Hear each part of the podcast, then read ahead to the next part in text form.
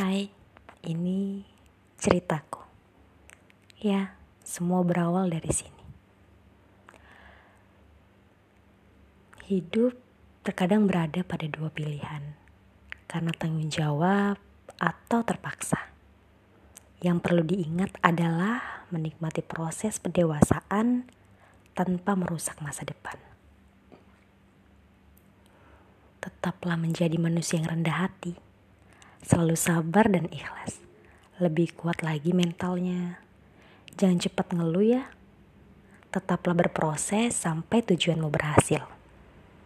Banyak orang yang menginginkanmu gagal. Tapi tetap semangat dan ayo kecewakan mereka.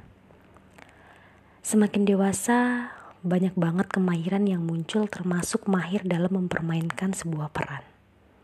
Banyak hati yang hidup dan tumbuh dari belenggu kepalsuan.